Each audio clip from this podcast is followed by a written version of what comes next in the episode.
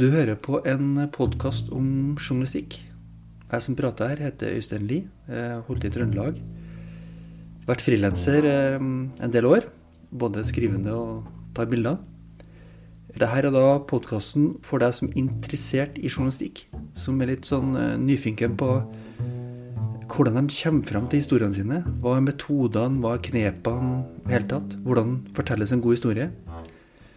Det er ment for eh, andre journalister, men også for uh, vanlige folk som er nysgjerrige på hva journalistikk er.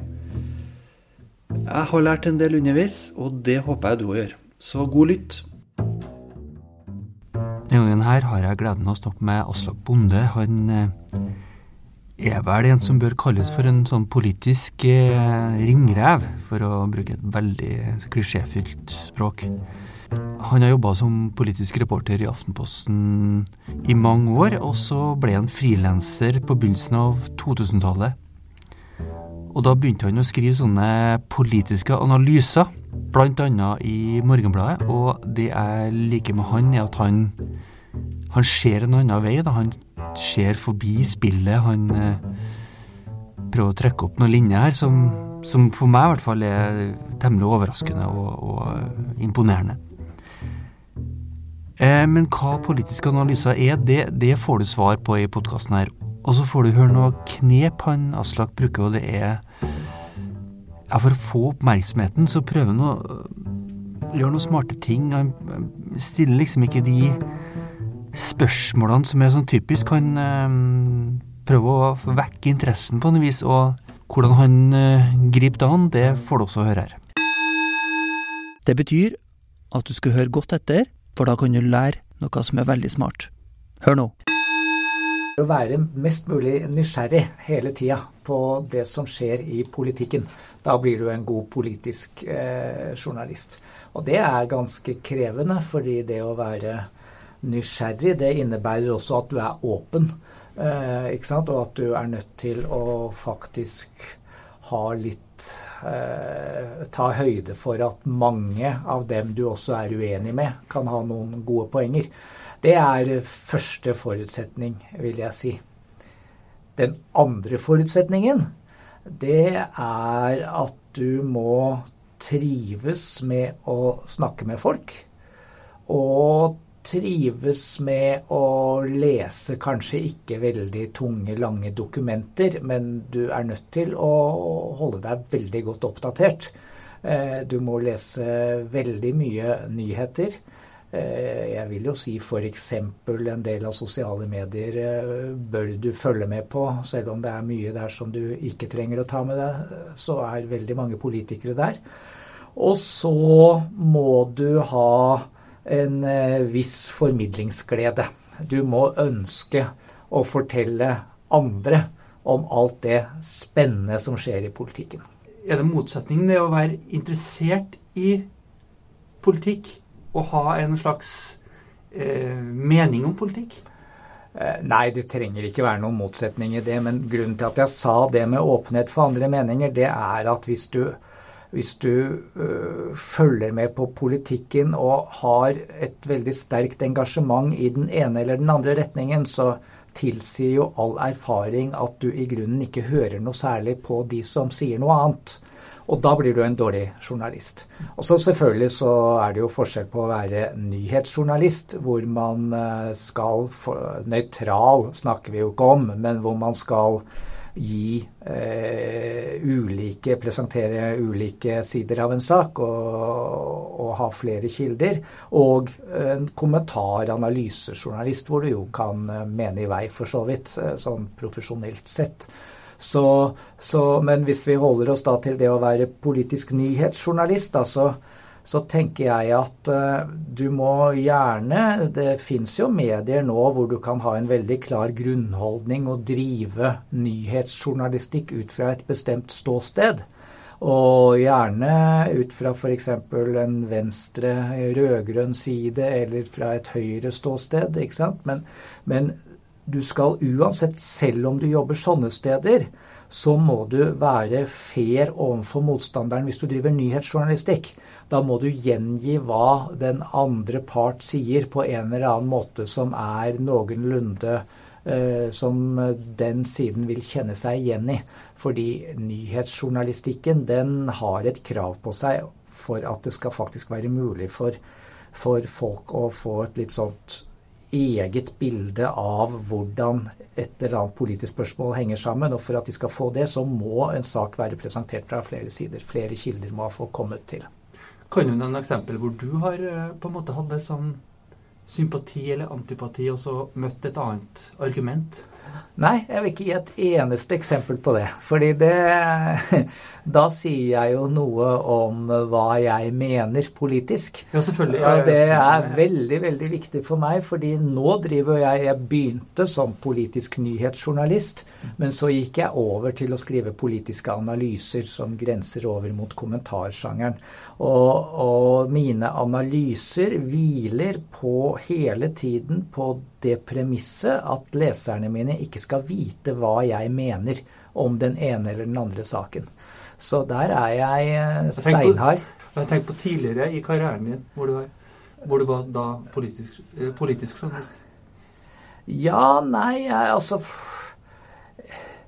Nei, jeg det, Nå er det vel en grunn til at jeg ble, skrev analyser at jeg ikke har så veldig sterke meninger. Altså, I min ungdom var jeg med i Unge Høyre. Eh, men jeg, meldte, jeg begynte å jobbe ganske mye i NRK Dagsnytt da jeg bare var et par og tjue år gammel, så da meldte jeg meg ut av Unge Høyre. Eh, men eh, jeg har på tross av den bakgrunnen da, så har jeg aldri hatt veldig, veldig sterke politiske oppfatninger i den ene eller den andre retningen. Så jeg, eh, jeg jobbet veldig mye med striden mellom Torbjørn Jagland og Jens Stoltenberg da jeg var nyhetsjournalist, politisk nyhetsjournalist i Aftenposten. Men jeg hadde like stor sympati for begge. Jeg forsto egentlig godt hvordan eh, de så det fra begge ståsteder, faktisk.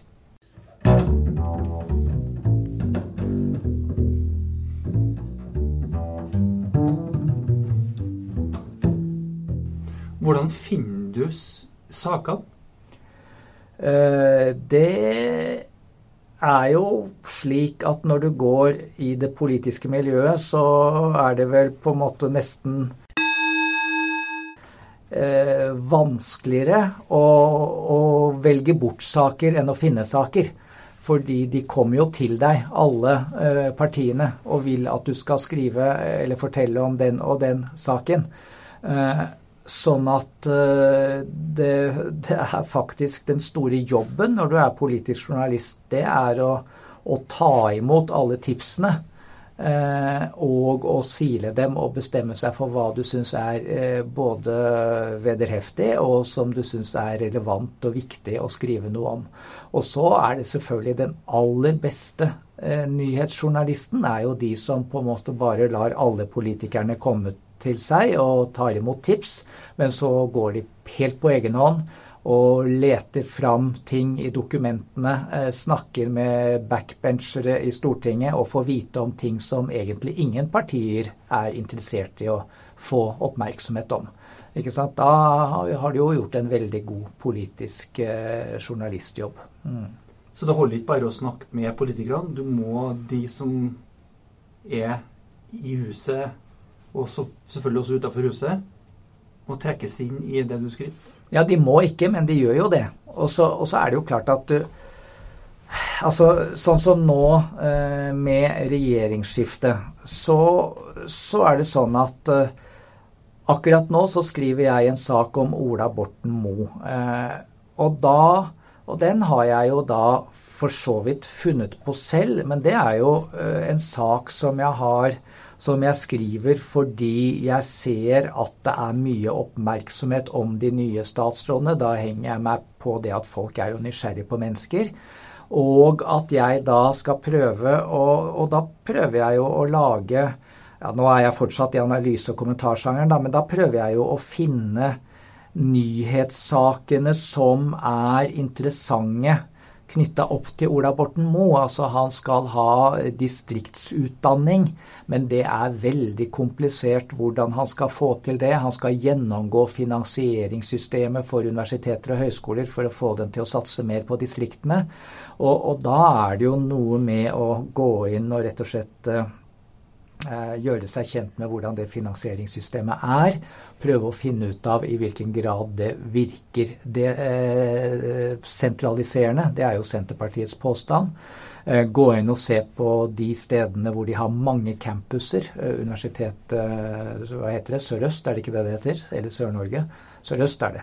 Eh, hvor de har åtte campuser eller noe sånt. Og se i hvilken grad det er press der for at noen av de campusene skal bli lagt ned.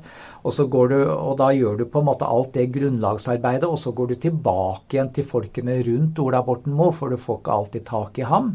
Og så tester du ut litt sånn ulike eh, Uh, ulike temaer, da, uh, og kan kanskje klare å få dem til å si noe at ja, men akkurat den biten av finansieringssystemet, den må vi nok gjøre noe med, for det er den som virker sentraliserende. Og da har du en slags nyhet som kanskje passer bedre for Krono enn for uh, en veldig stor riksdekkende avis, men likevel, det er jo en helt åpenbar politisk nyhet, ikke sant. Nå har du jo gått fra å være journalist til å være en kommentator, mm. eller er, det, er du skriver du, kaller deg en analytiker? Jeg liker å kalle meg analytiker. Eh, men eh, av og til blir det litt sånn pretensiøst, så da sier jeg kommentator. Altså det, folk vet jo ikke forskjellen. Og, og det er sett eh, stort på det, så er det ikke forskjell. Altså vi har to sjangere innenfor journalistikken. Det er nyheter, og det er kommentarjournalistikk. Eh, og analyse er like mye i kommentarjournalistikksjangeren som kommentarene. Men det jeg mener når jeg da er litt pretensiøs og sier at jeg skriver politiske analyser, så, så bygger jeg det på at jeg syns det er altfor mange som mener altfor mye. Eh, det er meninger nok der ute. Det som mangler, det er perspektiver. Eh, så, så, det som er formålet med mine analyser, det er å presentere ulike perspektiver på politikken. Altså hvordan kan man se politikk på annerledes måter.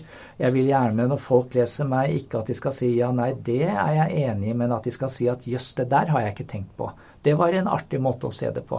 Det syns jeg er et øh, Hvis jeg klarer det med mine analyser, så syns jeg jeg øh, har lyktes. Og jeg syns ikke det er noe fint hvis folk har veldig sterke oppfatninger om hva jeg mener. Fordi da har jeg vært altfor mye i kommentarsjangeren med at jeg har sagt at en, en, regjering gjør noe dumt, en statsråd gjør noe dumt, en annen er veldig smart. altså Sånne ting vil ikke jeg assosieres med. da. Jeg prøver å unngå det. Så du løfter fram et sakskompleks, egentlig, det, og så sier at se her, her er pro og con. Ja. Det her er det har jeg funnet ut. Ja, og jeg, jeg er veldig ofte sånn Jeg peker på paradokser. Jeg prøver veldig ofte å, å, dra historiske sammenligninger, av og til sammenligninger med andre land. Altså alt sammen for å se norsk politikk, akkurat den ene prosessen, den ene saken jeg er opptatt av der, da, det prøver jeg å liksom se i et annet lys enn det som er vanlig. Det er egentlig det, er det perspektivisering dreier seg om. Da. Mm. Så det, og, og, det er veldig viktig for meg når jeg skriver Grunnen til at det er veldig viktig for meg at jeg ikke blir assosiert med meninger, det er at eh, det er jo helt slående hvor mye folk leser inn i det du skriver som du egentlig ikke hadde tenkt at de skulle lese inn i det. Altså du får lesereaksjoner som for meg av og til er ubegripelige. Kunne virkelig vedkommende oppfatte meg sånn? Eh, og det er jo fordi absolutt alle leserne de leser oss jo med noen briller. De leser oss jo med noen oppfatninger om hvem vi som avsender er. Eh, og jeg vil at de brillene skal være minst mulig sterke. Da. Altså at de skal ha færrest mulig oppfatninger om hvem jeg er. Eh, sånn at de på en måte leser ordene mine mest mulig åpent. Ja. Men hvordan finner du et uh, sakskompleks som på en måte er i tida, og som du kan kanskje sette i en historisk sammenheng? Altså, hvordan kommer du fram til en analyse? Der er jeg veldig ofte jeg også preget av uh, en dagsorden som uh, settes av andre. Så det er jo klart at jeg, jeg skrev om psykiatri forrige uke.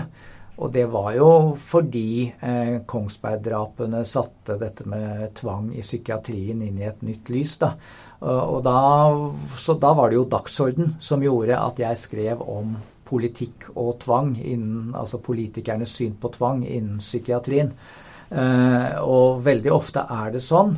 Men så er det også slik at jeg, jeg er så heldig å ha fast spalte eh, både i Morgenbladet og i Dagens Perspektiv og det betyr at jeg kan lagre opp litt ting, sånn at jeg har jo veldig mange temaer hvor jeg har en del jeg skal si, men hvor jeg ikke har en vinkel. Altså hvor jeg ikke Det skjer ikke noe akkurat eh, der og da som gjør at det er naturlig å skrive om det. Og, og derfor så øh, Og da på en måte har jeg det bare liggende i bakhodet, og så kan jeg bruke det når jeg, eh, når jeg finner en sak å hekte det på. Da. Et, jeg har et eksempel der, og det er eh, NRK skrev vel om Mattilsynet denne helgen. Om hvordan de har kuttet og kuttet og har færre og færre inspeksjoner ute hos bøndene.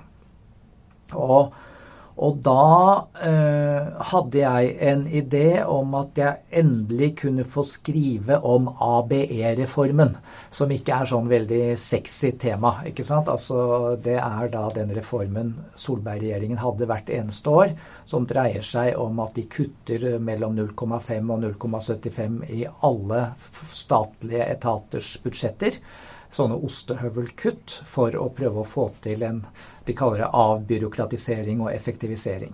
Og, og denne ABE-reformen, den eh, Det gjør jo at de sparer inn sånn mellom 1,5 og 2 milliarder hvert år.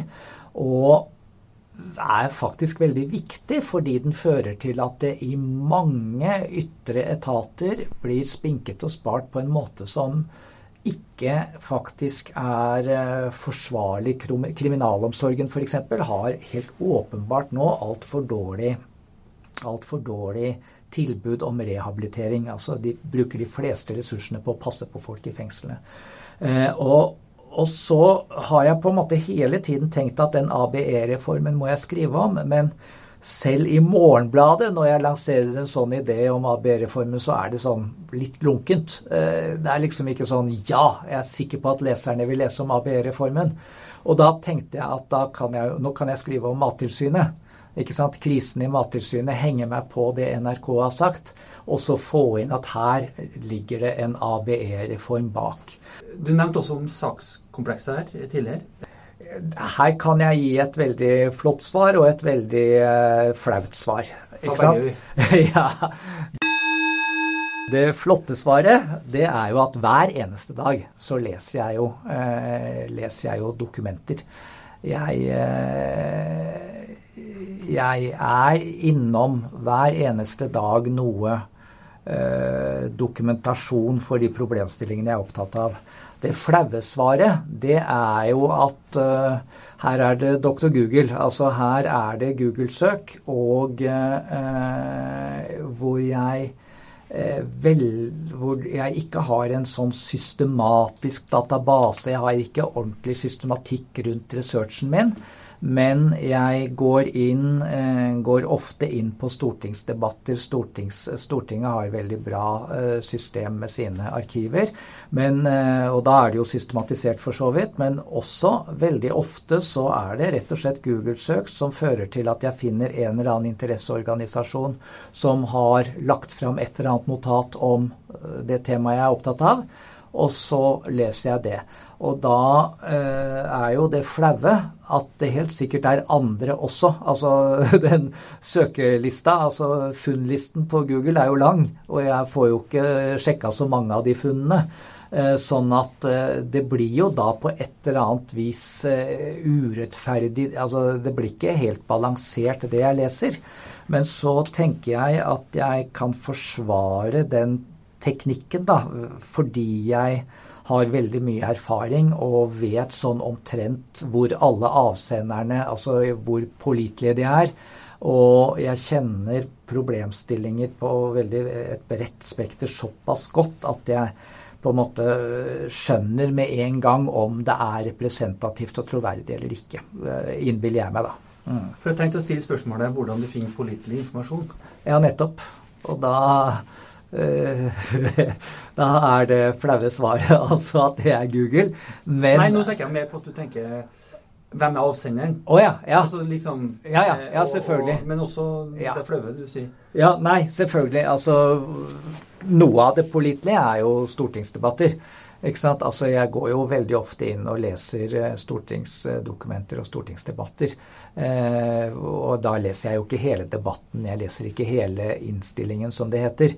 Men jeg leser jo bare skrått igjennom for å få inntrykk av altså Der er det jo mye mer vederheftige, stort sett. Eh, det er jo det er jo bare i de politiske debattene man ser på TV og radio at det er litt sånn overfladisk. Altså I Stortinget er det jo mye grundigere, for der er det jo backbencherne i stor grad som driver debattene. Fortell om backbencherne. Det er jo fagpolitikerne. ikke sant? Altså Vi kjenner vel, I offentligheten kjenner de vel omtrent 20 stortingsrepresentanter, mens det er jo 169 av dem. Ikke sant? Eh, og eh, de sitter i ulike fagkomiteer og jobber veldig hardt og ordentlig med en haug med ulike problemstillinger som bare fagfeltene egentlig er opptatt av, men som er kjempeviktige. Ikke sant? Altså nå eh, ikke sant? Altså, så nå f.eks. nå er det stor spenning hva skjer med sjeldenfeltet? Det er et eget eh, saksområde innenfor helsepolitikken hvor man har en egen strategi for å gi behandlingstilbud til folk med sjeldne sykdommer. Eh, det er en definisjon på hva som er en sjelden sykdom, men det sier seg jo selv. altså Det er jo folk som er i veldig små grupper.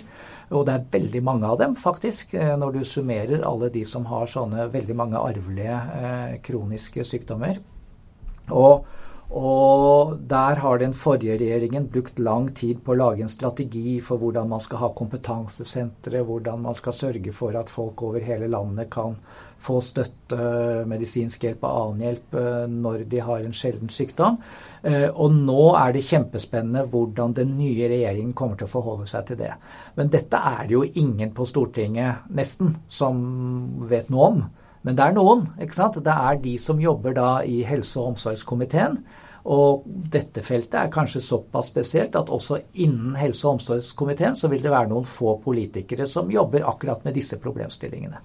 Så da må du treffe dem og, da, og snakke med dem? Ja, ja. Da, og da finner jo jeg veldig, veldig fort hvem de er, og så går jeg til dem. Og jeg er jo så heldig at uh, altså jeg er i presselosjen, og vi har jo et pressesenter på Stortinget, så da går jeg gjerne på kontoret deres.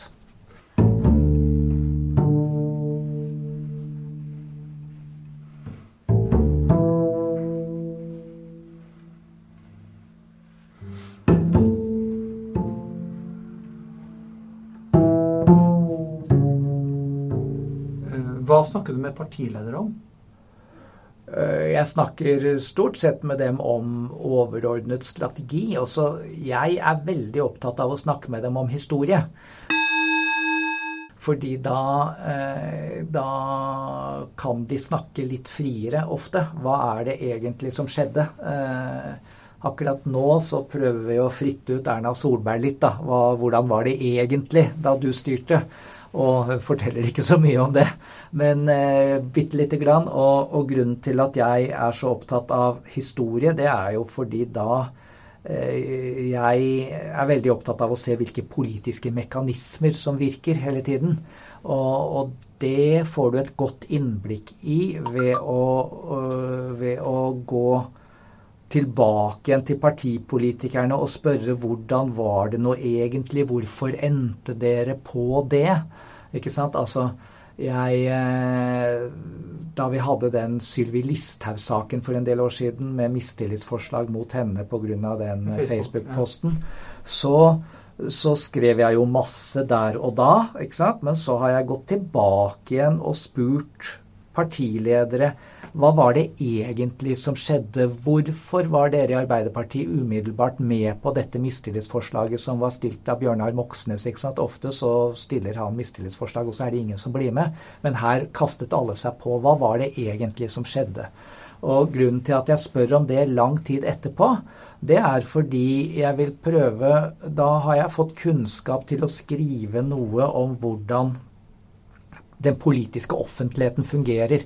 Altså i hvilken grad partiene føler seg presset av det trykket som er der ute i de sosiale mediene fra andre tradisjonelle medier osv. Og, så og i hvilken grad de tar vurderinger som er mye mer basert på sak.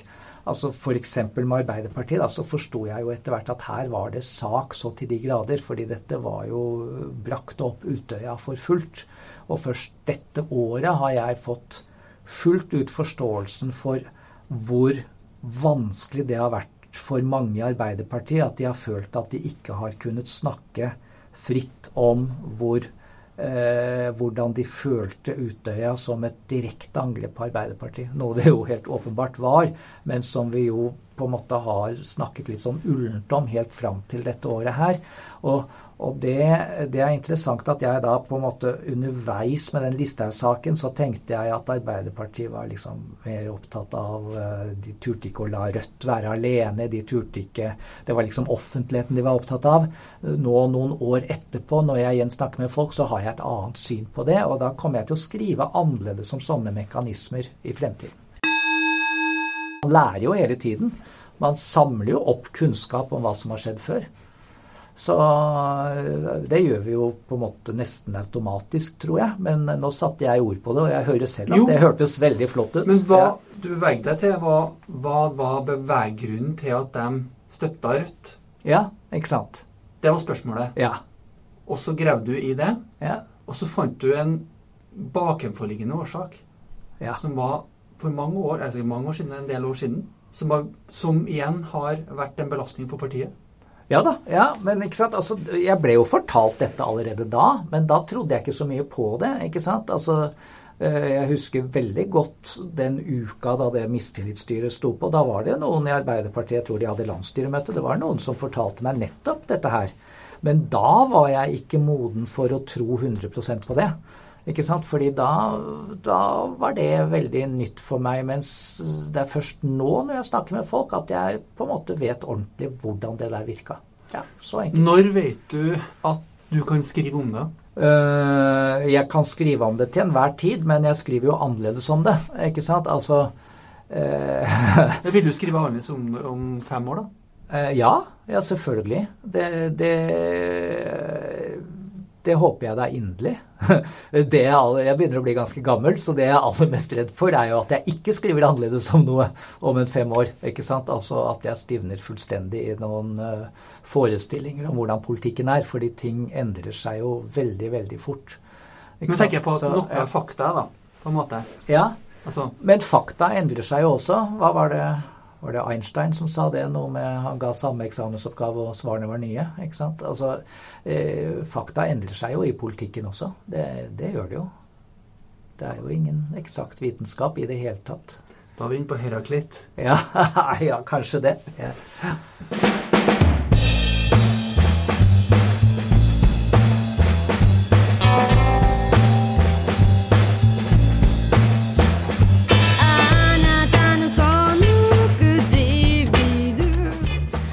Tror det er i partiene som absolutt alle andre steder at det i større og større grad er sånn at alle de du spør om hvem som bestemmer, så peker de på noen andre. Det er på en måte ingen som føler selv at de har veldig, veldig stor makt. For selv ledere, og det går i partiene, og det går i, på regjeringsplan, ikke sant. Alle sammen føler at herregud, jeg hadde jo ikke frihet til å ta beslutningene sånn som jeg vil, eh, selv ville, for det var så mange føringer. Det var så mange som på en måte innskrenka handlingsrommet mitt.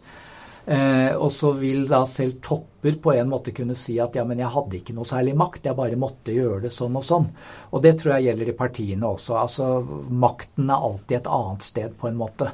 Men når det er sagt, så er det jo helt åpenbart at i alle partiene nå så er det en helt åpenbar toppstyring, og det må det være. Det er noen få rundt partilederen som bestemmer det aller meste. Og det har med mediesamfunnet å gjøre, at de er nødt til, måte, de er nødt til å kunne reagere lynraskt. De er nødt til å kunne kaste seg på i debatten, lage utspill. Og da må de bare eh, ta beslutninger ganske raskt. Jeg, jeg tror kanskje det eh, som vi vil se når det blir litt mer kjent hvordan Fremskrittspartiet hadde det i regjering, så tror jeg vi vil se Nå kommer Siv Jensen snart med boka si. Jeg vet ikke hvor ærlig hun vil være om det, men der tror jeg vi vil se at i en del perioder da Frp var i regjering, så hadde ikke partiledelsen makten. Da var det eh, bygget det seg opp alternative flertall enten i stortingsgruppa eller i landsstyret. Eh, og da måtte Siv Jensen jobbe masse for på en måte å gjenerobre makten. Eh, så det tror jeg, der tror jeg kanskje vi har uh, mye nytt å lære. Der har vi jo allerede egentlig skrevet, mange av oss, at hun var i ferd med å miste kontrollen over henholdsvis landsstyret og stortingsgruppa i et par saker. Og så vil det kanskje skje det samme da, som skjedde med det med Arbeiderpartiet, at etter hvert som jeg får prata med folk over noen år, så vil jeg kanskje endre noe oppfatning om det, og det vet jeg ikke. Men foreløpig så, så ser det litt sånn ut. Ja. Hvordan prater du med folk? Nei, da prøver jeg Det er veldig underlig. Både mange journalister og politikere er ekstremt dårlige på smalltalk. Altså vi er Det sies jo at vi skal begynne å liksom eh, vi skal eh, begynne å snakke oss litt inn på temaet og sånn, men jeg er ikke noe særlig god på smalltalk, så det blir eh, Jeg går ofte rett på, men jeg prøver ofte å finne en inngang når jeg prater med politikere som er saklig om noe de kan snakke om, eller noe som faktisk som de vil føle det er litt interessant å snakke med meg om. Ikke sant? Jeg prøver, eh, prøver at jeg ikke alltid kommer til dem og stiller det spørsmålet som jeg vet at de ikke kan svare på. Eh, det, det er litt viktig for meg. Men av og til så blir det veldig dumme ting jeg sier, da. Altså fordi jeg prøver Nei, altså jeg prøver liksom å jeg prøver å gjøre meg selv interessant, for så vidt. Altså lansere en eller annen teori om et eller annet som har skjedd. Var det ikke sånn og sånn? Og så føler den, eller oppfatter den politikeren som jeg snakker med, at det der er jo helt på trynet. Eh, men da har jeg jo i hvert fall gjort meg litt Da vil jo vedkommende kanskje ha interesse av å snakke med meg for å få korrigert det inntrykket, da. Så da har jeg jo på en måte fått starta samtalen.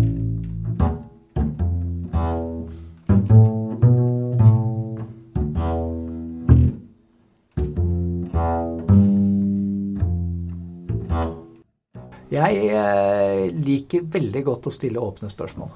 Eh, fordi eh, det, det, det er Det er viktig at den du snakker med, ikke føler seg pressa i utgangspunktet. Og et åpent spørsmål kan man jo besvare på veldig mange ulike måter. Også, men samtidig så må det jo ikke være for åpent. Det må jo være informert.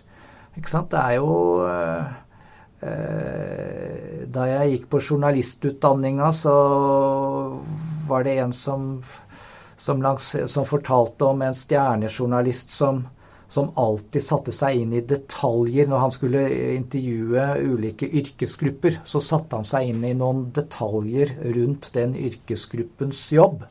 Sånn at da han intervjua en jockey, altså en sånn heste, en rytter, så spurte han ja, hvor mye, hvor mange centimeter høyere har du venstre stigbøyle enn høyre stigbøyle?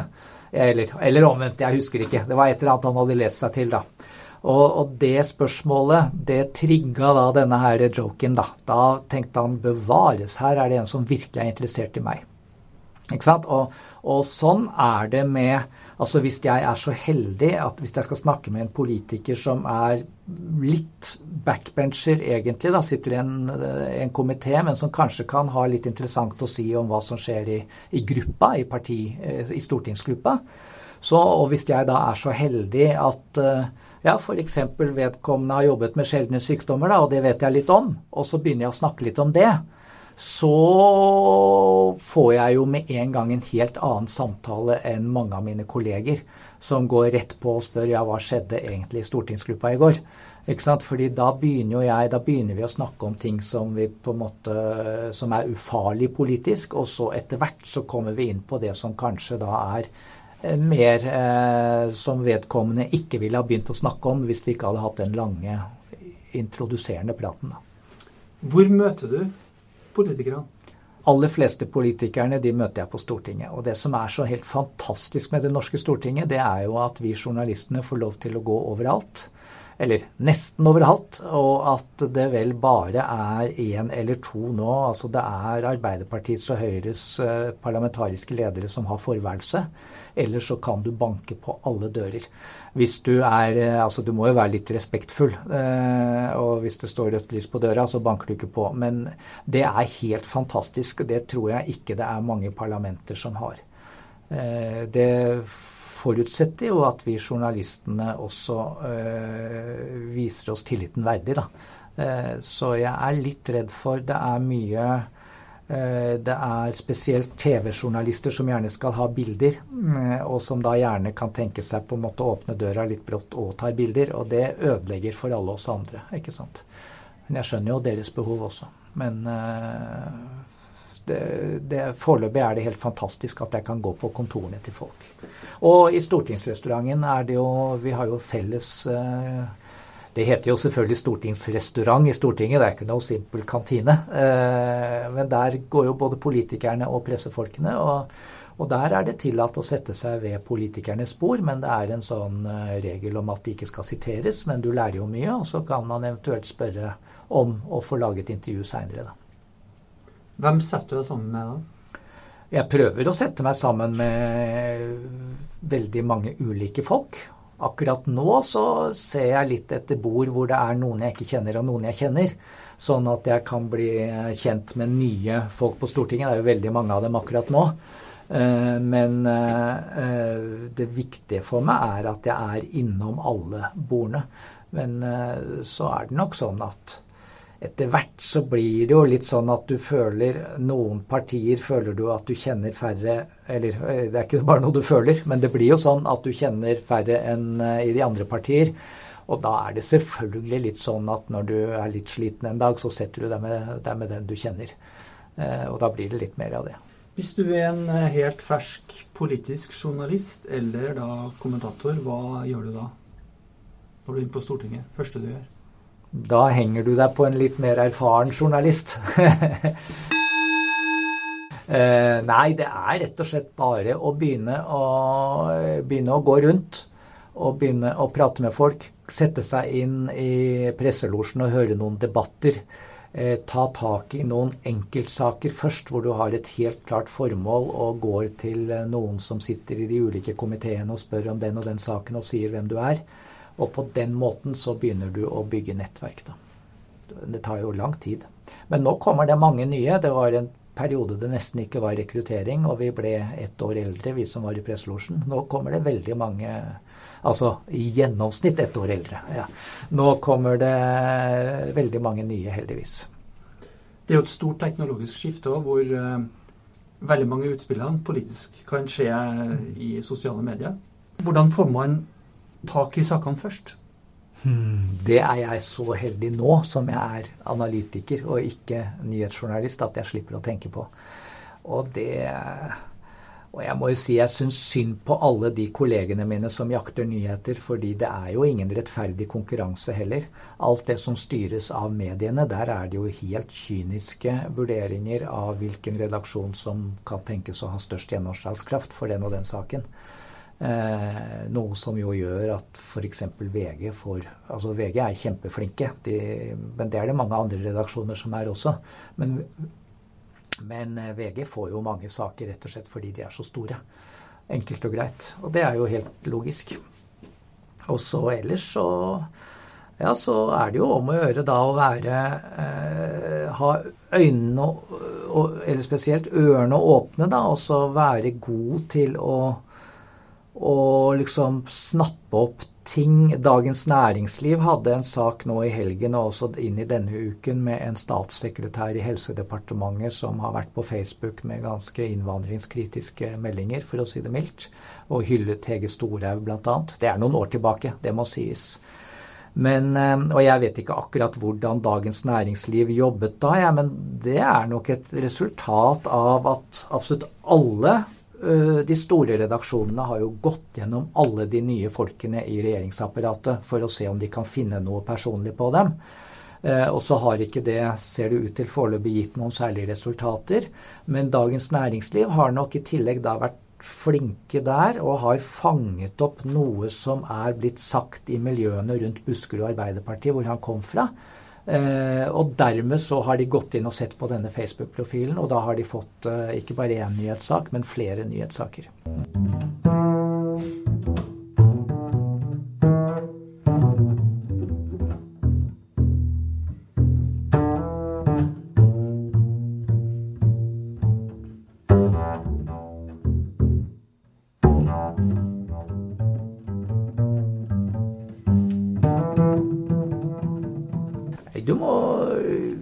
Må, jo, du må, jo, vite litt sånn elementært om hvordan politikken eh, virker. Altså, Jeg ser jo det at mange lesere vet ikke forskjell på storting og regjering, og forskjell på statsråder og stortingsrepresentanter og sånn. Så du, en del sånne basisting må du jo kunne. Eh, du må ikke komme som politisk journalist og ikke ane hva en stortingsmelding er, f.eks. Såpass må du forstå. Men ellers så så dreier det seg vel egentlig bare om å, å, å forstå litt Kanskje forstå kompleksiteten i nesten alle saker. Det må du nok på en måte en, ha en viss forståelse for. Ja. Og absolutt alle saker er kompliserte når det kommer til stykket. Politikere blir jo valgt inn på Stortinget. Og det sies jo at kjøttvekta, altså hvor mange stemmer det partiet har, som gjør til hvor stor innflytelse det partiet har. Men hvor viktig er personene, altså den enkelte politiker, for politikken? Mm. Det er et evig spørsmål. Det er jo også et evig spørsmål for historikerne. ikke sant? Altså hvor viktig var enkeltpersoner i ulike viktige historiske faser? Eh, hvor viktig var Winston Churchill før uh, i annen verdenskrig?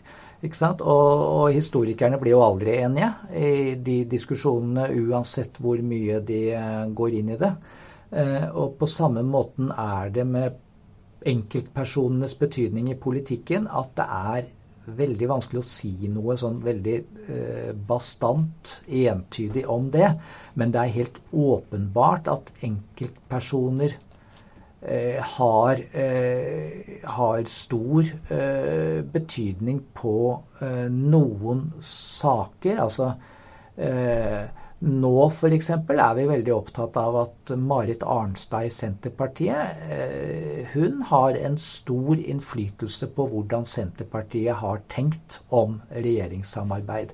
Og hvordan de har tenkt om sammensetningen av denne Hurdal-plattformen. Eh, og, da, og du kan si at ja, hadde ikke hun vært i Senterpartiet, hadde det vært en helt annen, så ville kanskje resultatet blitt annerledes. Men er, sånt blir jo veldig, veldig spekulativt. Altså, det ble jo veldig lenge sagt om Jonas Gahr Støre at uh, hans personlighet, og ikke minst hans uh, bagasje i form av penger og vestkantbakgrunn, var uh, Eh, det som gjorde at Arbeiderpartiet aldri ville lykkes. Og det var jo i en periode nesten etablert som en sannhet. Og nå er det jo ikke en sannhet lenger i det hele tatt. Enn så lenge, da. Det kan jo snu igjen. Ja. Mm. Nei, du skriver jo analyse. Ja. Men så har du jo snakka med noen. Ja. Og så eh, kanskje de er nysgjerrige litt på hvordan du skriver. Om du sender fra dem manuset før det er på trykk. Når jeg skriver analyser, så er det veldig viktig for meg at de skal jo ingen se før de er på trykk. Absolutt ingen. Eh, og, altså annet enn da desken. Eh, og, og, det er jo helt åpenbart, fordi jeg er i kommentarsjangeren, så har jo ingen politiker noe med å gjøre. Eh, noe å si De kan ikke si noe til det jeg gjør, med unntak av de som bruker sitater i kommentarene og analysene. Det er jo noen som gjør det. Og, og det er jo også en del Det er jo faktisk både PFU-praksis og rettspraksis på at man ikke kan eh, ærekrenke folk i kommentarer. Eh, men med unntak av det så, eh, så er jeg Altså så er det jeg skriver, bare for mine øyne helt til det er på trykk. Enkelt og greit. Eller på nett,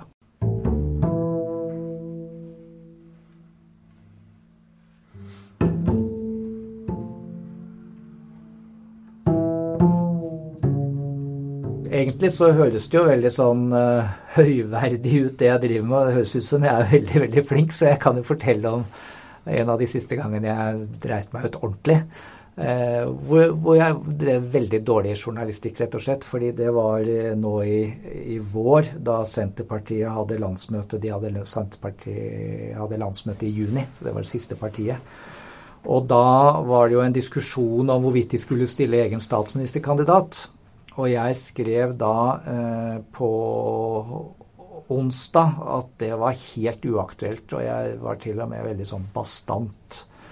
Eh, og så kom det på trykk på fredag, og da hadde jo På fredag kveld så vedtok de at de skulle ha en egen statsministerkandidat. Eh, og det var utrolig dumt for meg ekstremt uheldig, fordi jeg jo baserer alt det jeg skriver på at folk liksom tror at jeg har ordentlig gode kilder. Og, og, jeg hadde jo for så vidt gode kilder, men jeg hadde vært slapp. Jeg hadde ikke prata med folk tett oppunder landsmøtet. Ikke sant? Og ting utvikler seg i politikken. Og det er eh, veldig, veldig eh, vanskelig å på en måte hele tiden ta høyde for det at man at man egentlig syns man er kjempeflink og vet, har veldig god peiling på hvordan hele det politiske bildet er.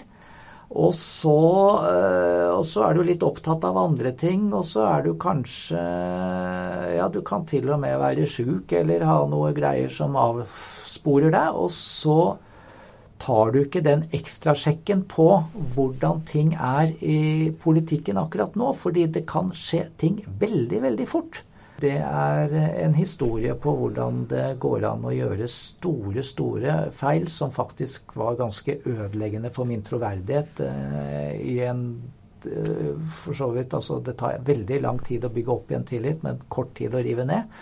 Og dette var en sånn sak, altså. Så det eh, erfaring, Lærdommen, den er jo at du må være på alerten hele tiden. Og hvis du ikke kan være det, altså det hender jo at eh, du ikke kan jobbe, så da må du være litt mindre skråsikker eller skrive om litt andre ting, eller ja. Helt og greit. Mm. For når man skriver, så må man jo skrive Hvis man er 100% sikker, så man, kan man jo skrive helt sånn mm. Sånn blir det. Men så er det jo, hvis man er 80% sikker, så må man kanskje ha et annet språk. Og det er kjempevanskelig. For du skal jo hele tiden være autoritativ. Du skal jo hele tiden altså Det lærte jeg i hvert fall da jeg gikk på journalistskolen, at du skal jo aldri ha ingresser hvor du stiller spørsmål. Du skal jo gi svar.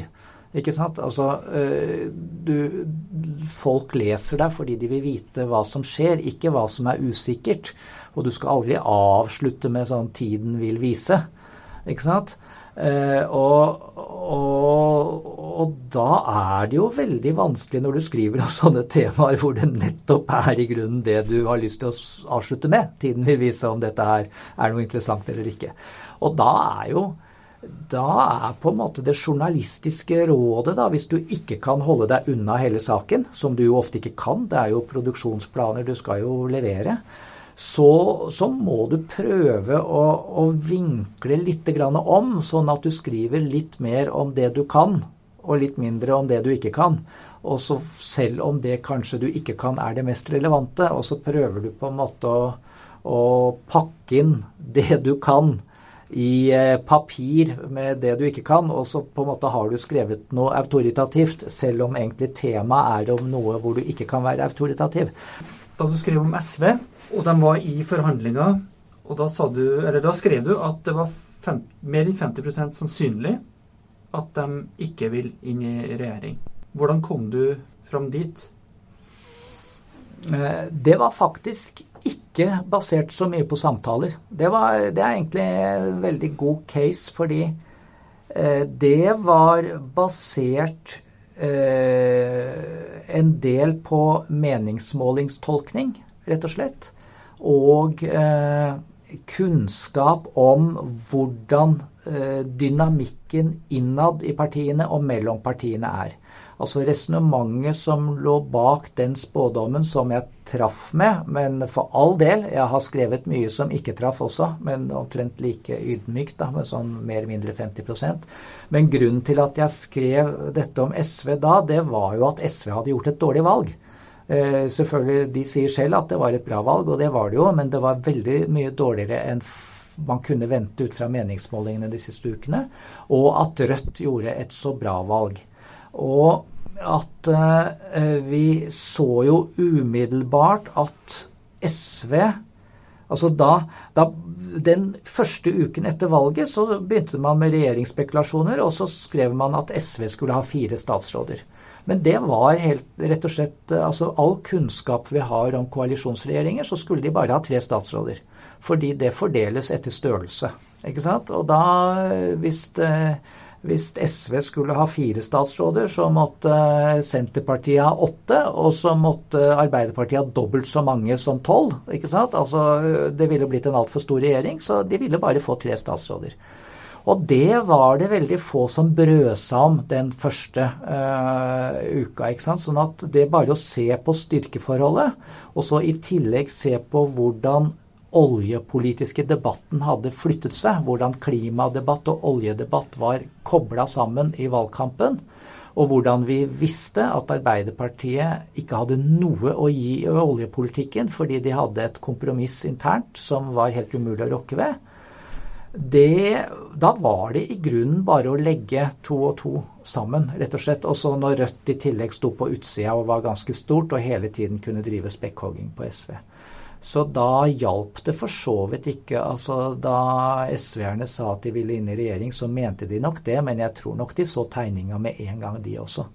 Men de, det var jo ikke noe vits i for dem å si fra altså De måtte jo gi inntrykk av at de ville 100 inn. Men det var rett og slett ikke så veldig vanskelig. Eh, det var eh, rett og slett bare å resonnere ordentlig. Du har hørt Aslak Bonde, som har prata om politisk journalistikk og kommentarer. Eller analyser, som han liker å kalle det. Neste ut er Karianne Steinsland i Asker og Bærum Budstikket. Vi skal med andre ord snakke med ei som er sentral i en mindre redaksjon, som har de store ulvene kloss ved seg i Oslo. Hvordan jobber hun og redaksjonen hennes? Det skal vi få vite neste episode. Og så er det bare én siste ting. Eh, den som spiller bass i podkasten, han heter Asgeir Skrove.